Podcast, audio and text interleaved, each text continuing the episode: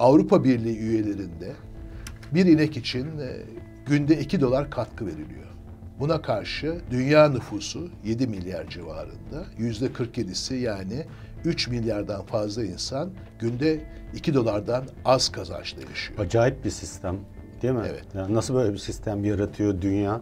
Bugün Evet, geldiğimiz dünya, e, Böyle bir dünya, Bu evet. böyle bir dünya. Yani zengin olan yerde inek olmak e, dünyanın yüzde 47'sinden yani 3 milyar insandan fazlasından daha avantajlı.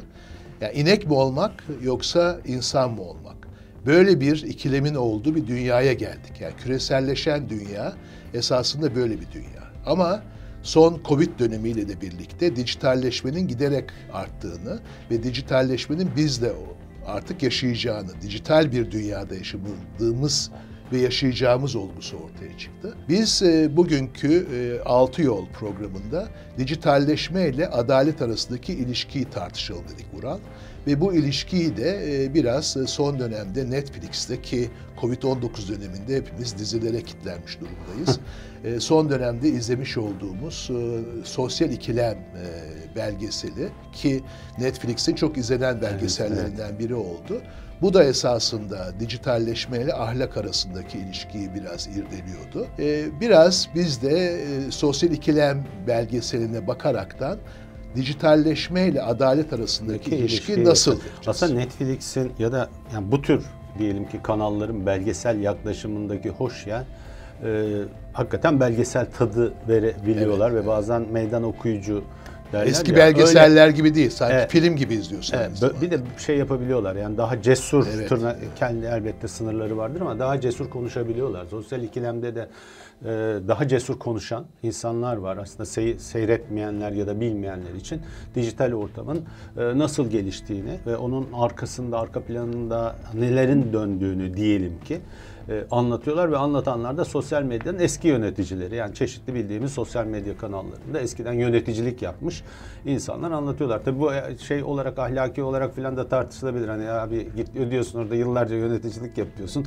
Bir şeyin yok, bir şeyin yok. Sonra bir gece yarısı mı kafana dank ediyor? Oradan ayrıldıktan Esasında sonra mı konuşuyorsun? Onu O da yad edelim. Ee, Bence önemli felsefecilerden Oruç Araoba buna organize ikiyüzlülük diyor. Yani sürekli olarak bir yalan söyleme içindesin. Hem biliyorsun bir sorun olduğunu ama o sorunla yaşıyorsun. Evet, yani- Biraz sosyal ikilemde de o vardı galiba. Var. Yani o kişiler, arkadaki kişiler tabii kişisel değerlendirmeyi her zaman e, yapabiliriz. Bu enteresan bir şey. Güzel de bir laf organize ikiyüzlülük. Ama e, en de sonunda bizi ilgilendiren hani orada kişileri değerlendirme durumunda olmadığımız için Tabii. işin sonucunda ortada dijital dünya bize ne e, anlatıyor ve burada hep ben e, şu Cambridge Analytica örneğini veririm. Gene bilmeyenler için söyleyeceğim bu seçimlerde, bir önceki ABD seçimlerinde, İngiliz seçimlerinde, başka birkaç ülkenin seçimlerinde seçimleri manipüle etmekle suçlanan yöneticileri de e, sonradan e, cezalandırılan, yargılanıp cezalandırılan bir dijital kampanya şirketi siyasal kampanyalarda özellikle çalışıyor.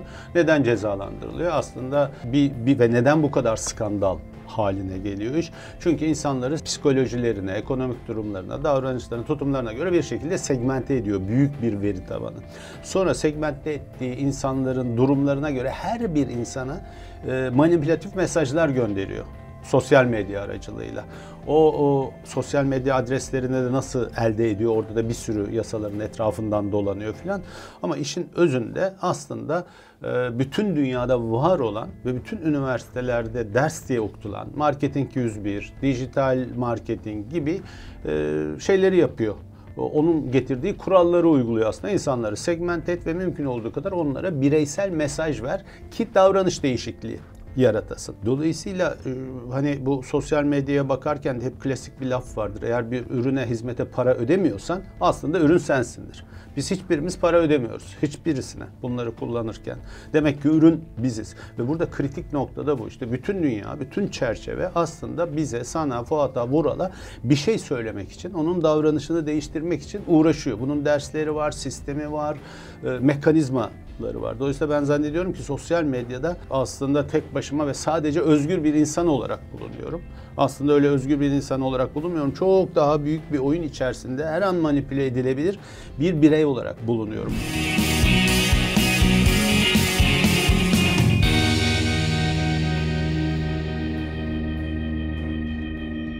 Programımızın ismi 6.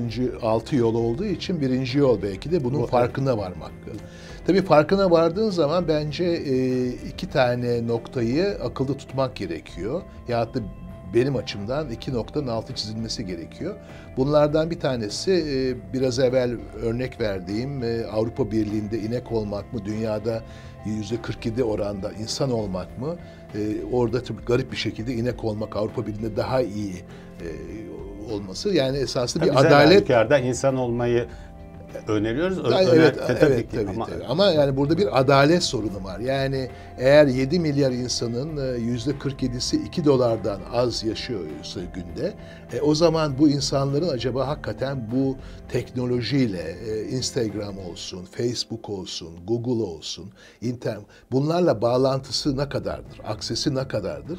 Bir kere buna baktığımız zaman hala orada bir adaletsizlik olduğunu görüyoruz. Sanki böyle bir yani dijitalleşmeyi çok ön plana çıkartan dünyanın herkes, her yanında herkes dijital oldu ve aksesi var gibi evet. gözüküyor ama bir bir esasında bir bir katılım, bir bir bir bir onunla birlikte olmak, onu kullanma temelinde de bir adaletsizlik var. Ama senin söylediğin bence daha önemli. Çünkü burada e, bir taraftan bakıyoruz, e, bunu biz bir para vermiyoruz bunun içindeyiz ama geldiğimiz noktada ürün biziz. Bir kere bunun e, bilincinde olmamız gerekiyor. Ürün biz olduğumuz zaman biz manipülasyona açık hale geliyoruz. Biz kullanıyoruz. Yani esasında bütün bu yani kapitalizmin pazar ekonomisinin ürünü ya bir ayakkabı gibi, bir araba gibi, bir şampuan gibi Fuat Keyman'da bir ürün oluyor.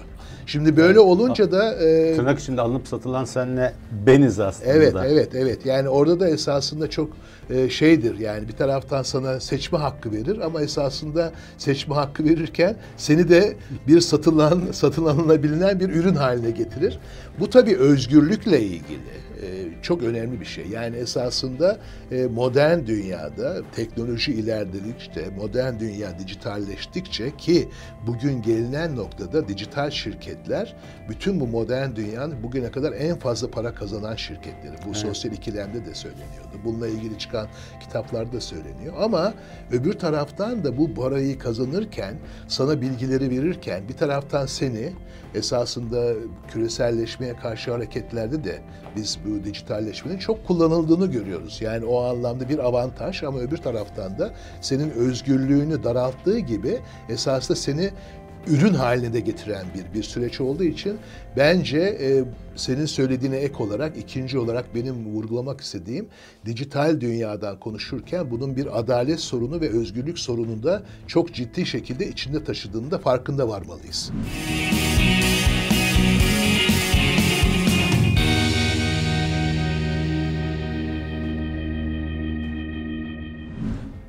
senin söylediğin son Birleş, e, Birleşmiş Milletler Kalkınma Programı'nın geçen yılki yani 2019 insani e, gelişme raporunun e, en ana konularından bir tanesiydi.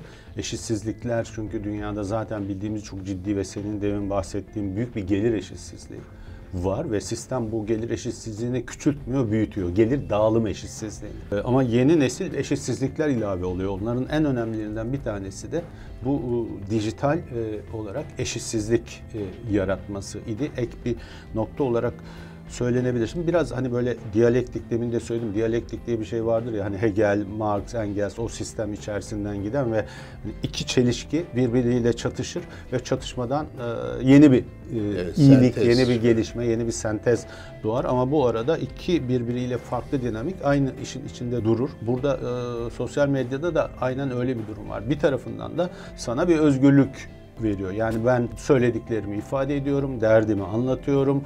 Başka şekilde ortamda bulamayacağım görüşleri anlatabiliyorum. Bu siyasi olabilir, ekonomik olabilir e, veya başka olabilir. Ama bu böyle giderken demin söylediğimiz başka bir oyununda bir küçük parçası halinde devam ediyorsun. Orada kritik diye de gördüğüm bir başka şey de benim. Bu buradaki e, sosyal medya acaba hürriyet yayınlarken, hürriyeti verirken bize özgürce konuştururken acaba aynı zamanda kutuplaşmamızı azaltıyor mu, e, arttırıyor mu? E, kritik noktalardan bir tanesi bu. Çünkü sosyal medya artık herkes katılabildiği için herkes bir şeyin bir parçası haline gelme adayı oluyor. E, ve bunun yarattığı sorun da bazen şu oluyor paylaşılan, hepimizin ortak bulduğu bir gerçek ortadan kalkıyor. Böyle benim hani duygusal fayatları, duygusal kırıklar diyebileceğim çeşitli kuruklar, aidiyetler ve nefretler üzerinden devam ediyor. Ben benim hoşuma giden şeyleri inanıyorum ve benim hoşuma giden şeylerin yaygınlaştırıcısı oluyorum. Sen senin hoşuna giden şeylerin yaygınlaştırıcı oluyorsun ve senin aidiyet grubun içerisindesin ve bunlar çok değişiyor. Yani bazen futbol kulübü olabilir. Hatta futbol kulübünün içerisinde alt kırıklar, alt duygusal kırıklar oluşabilir. Yani şu ekibin, bu ekibin adamı olarak siyaset olabilir ki çok fazla bir şekilde var ve tamamen bunlar birbirlerini gittikçe kemikleştiren, birbirlerine karşı duruş pozisyonu daha güçlendiren ve giderek ortak e, paydaş yakalamayı imkansız hale kıran, herkesin kendi gerçeğini yarattığı bir alan oluyor. Belki ikinci, benim üçüncü olarak bu çerçeveye ekleyebileceğim yol ya da bakış açımız e, yani başka gerçekler de olabilir. Bunun farkında olmalıyız. Gerçek sadece benim hoşuma giden şey değildir.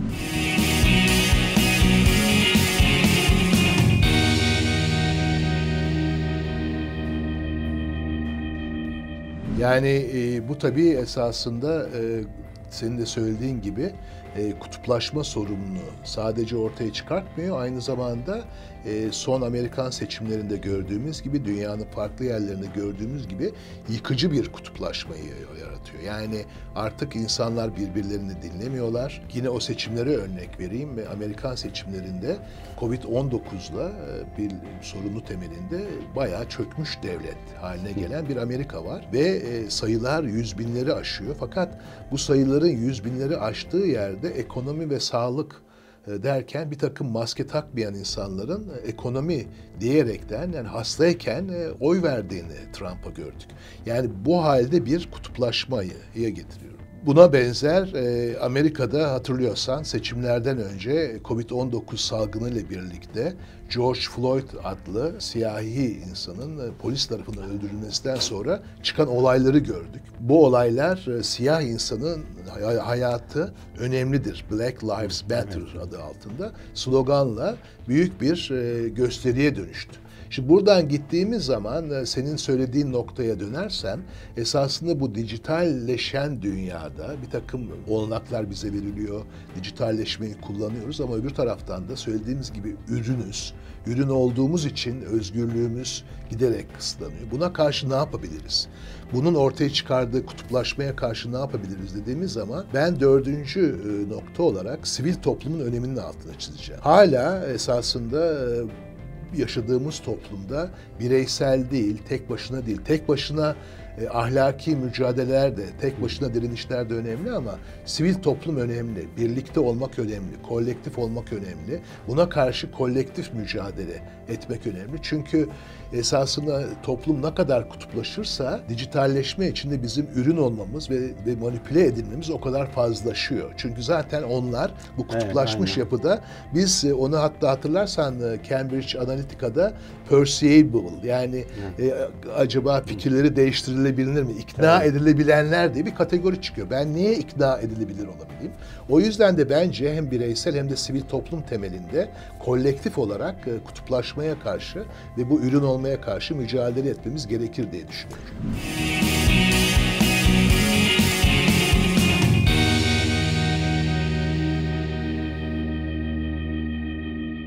Dolayısıyla sivil toplum dayanışması hala hala önemlidir. Çok kritik ve evet. özellikle bazı kuşakların sivil topluma olan katkısını daha da arttırmamız gerekiyor.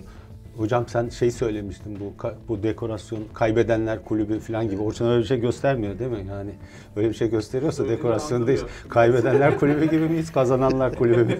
yani yanlış imaj, imaj yaratmayalım evet, öyle gibi. Beşinci ekleyeceğim belki be, be, benim buna demin az önce de söylemiştim ya bu Birleşmiş Milletler Kalkınma Programı'nın raporları ki önemli raporlardır ve hep e, bir felsefe, bir bakış açısı sunar insanlığa, insani gelişme için neler yapılabilir diye. E, dijitalin bir de e, insanlar üzerindeki farklı etkileri var.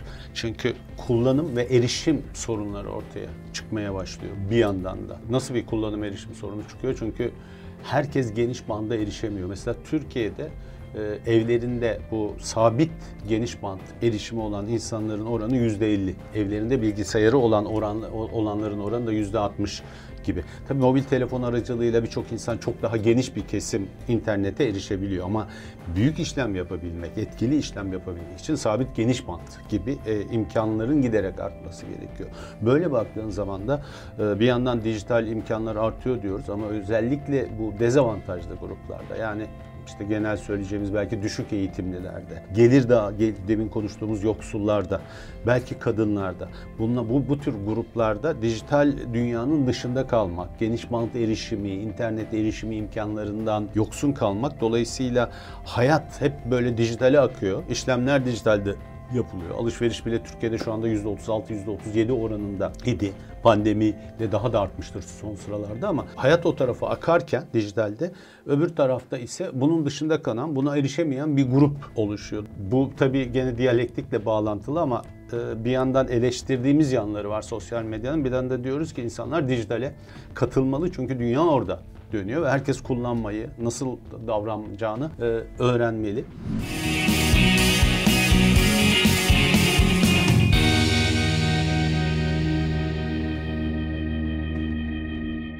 Esasında bir... bence e, dijital eşitsizliklere karşı mücadele etmek tabii bu sivil toplumla olacak. Yani sivil toplum olarak biz mücadele edersek, daha doğrusu sivil dijital eşitsizliklere karşı sivil mücadele eden bir sivil toplum olarak kendimizi ortaya koyarsak sadece birey değil, daha başarılı olacağız. Ama esasında eşitsizlikler ta başta söylemiş olduğum e, metafor, inek, insan metaforuna dönersek, eşitsizlikler sadece dijital dünyada değil, eşitsizlikler esasında hayatın her alanında. O yüzden de hayatın her alanındaki eşitsizliklere karşı mücadele ederken de dijital platformları kullanmamız da gerekecek. O yüzden de bu senin söylediğin diyalektik iki türlü işleyecek. Bir, dijital eşitsizliklere karşı mücadele edeceğiz. Ama öbür taraftan da eşitsizliklere karşı mücadele ederken de dijitalleşmenin bize sağlamış olduğu faydaları kullanacağız. Tabi burada e, iki tane insan ortaya çıkıyor. Bunlardan bir tanesi dijital dünyanın, sosyal ikilemde gördüğümüz dijital dünyanın seni yani Fuat Keyman'ı ürün haline getirmesi, sürekli manipüle etmesi ki burada çok ciddi bir manipülasyon var. Buna karşı direnmek lazım. Ama öbür taraftan da kendine güvenerekten e, esasında sosyal ikilem e, belgeseline bu şekilde de e, eleştiriler var. Yani o insanlar esasında şu anda zengin insanlar. O insanlar o şirketlerde çalıştılar, paralarını kazandılar. Şu anda rahat içindeler. Esasında biraz evvel söylediğim bu organize e, iki yüzlüğü yapıyorlar. Yani bir taraftan çalıştılar, biliyorlardı. Sonra bir anda dediler ki bunun ahlaki bir sorumluluğu var. Ben şimdi o ahlaki sorumluluk temelinde insanları ürün hale getirmesini size anlatacağım diyorlar. Ama e, bazı arkadaşlarımız da diyorlar ki biz esasında onu biliyorduk. Orada çalışmamız gerekmiyor. O yüzden de bence e, hem e, dijitalleşmenin faydaları, ne şekilde esasında eşitsizliklere karşı mücadele ederken dijitalliği kullanabiliriz hem de dijitalleşmenin bizi ürün haline getirmesi de karşı çıkmamız lazım. Bu tabii yeni bir insan ya da farklı bir yeni demeyeyim yeni doğru değil esasında. Farklı bir insan kavramını ortaya çıkartıyor. Burada insanlara e, güvenmek lazım. Yani e, insanlar bunu yapabilirler. Sivil toplumla yapabilirler. Direnerek yapabilirler. Mesela son dönemde ben Türkiye'de önem verdiğim bu e, ihtiyaç haritası diye bir sivil toplum örgütü var. Son e, İzmir'deki depremden sonra da esasla çalıştılar. Böyle sosyal e, ihtiyaçlara, ihtiyaç haritası gibi ilişkilere baktığımız zaman esasında e, sen de İngev içinde bunu kullanıyorsun. Biz de İstanbul Politikalar Merkezi'nde kullanıyoruz. Dijitalleşmeyi kullanarak e, daha etkili olabilirsin.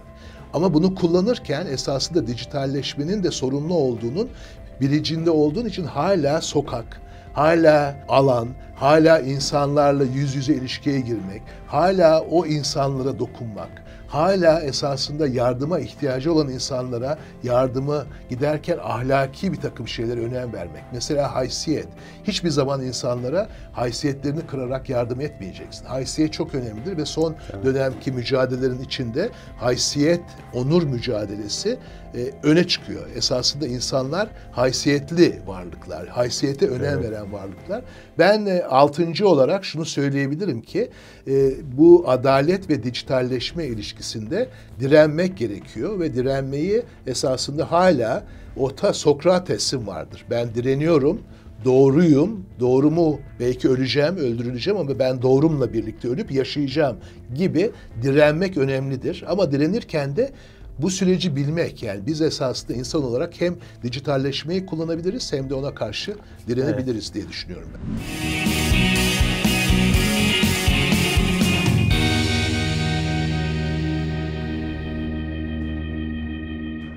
Bu arada biz herhalde son İngev için söylüyorum son bir yılda herhalde birkaç bin insana dijital eğitim verdik. Evet. Dijital kullanım için paketler hibe ettik. Ee, bugün galiba Urfa'da ofisimiz işte tutuldu. Urfa'da da böyle bir e, çalışmaya başlayacağız gene hem eğitim hem dijital eğitim için filan. Ama tabii bunlar küçük küçük e, parçalar. Belki çok büyük resim. Hani bir yandan tam böyle konuştuğumuz büyük bir resim var. Orada eskiden hani siyah insanları fişliyor, mit insanları fişliyor filan gibi böyle şey eleştiriler yapardık. Gazetelerde manşet olurdu. Şu anda hepimizin, herhangi birimizin senin benim bugün ne yaptığı, ne olduğunu senden benden daha iyi tanıyan algoritmalar evet. var. Bırak o CNN'in, MIT'in e, fişlemelerini falan onlar çok hani masum evet. kalabilecek ölçüde büyük algoritmalar var ve bunların nasıl, ne zaman nasıl kullanılacağını bilmiyoruz. O dediğimiz büyük resmin içerisinde biz bu anlamda küçük bir parçayız ve güveniyoruz ki bu ülkeler, bu datanın bulunduğu algoritmalar, onlar onların ba- bağlı olduğu devletler filan daha adil davranırlar filan o konuştuğumuz şey. Ama öbür yandan bizim birey olarak yapacaklarımız da tam o dayanışmayla evet. e, vesaireyle ilgili yani bu çelişkili gidiş. Bir, bir belki böyle hani gene, dijital eğitim falan diyorduk da onunla bu, e, bağlantılı söyleyeceğim. Demin biz de eğitim verdik falan diyorum ama bu büyük oyunun dışında kalmak için hangi filmdeydi hatırlamıyorum. Al-Kaide'nin kendi adamlarına verdiği talimat vardı. Hiçbir şeyi kullan, telefon kullanmayacaksın, bilgisayar kullanmayacaksın, kredi kartı evet. kullan, herhangi bir teknolojik şey kullanmayacaksın ki bu dünyanın dışında kalasın. Öyle bir şey de mümkün değil. Yani, Dolayısıyla evet, bunun evet, içerisinde evet. yaşayarak. Yani küreselleşen terör dediğimiz zaman e, dijitalleşmeyi terör için kullanacaksın. Fakat kendini e, kaçırmak için e, hiçbir şekilde dijital olmayacaksın, olmayacaksın gibi. gibi garip ama biz tabii insanlar dijitalin içinde olacaklar ve bu bir vaka ama bizim demin konuştuğumuz yollar la birlikte buna çok daha dikkat ederek yani bu oyunun bu farkında olarak Benim esasında kalmak. şöyle ilgimi çeken bir örnek şudur.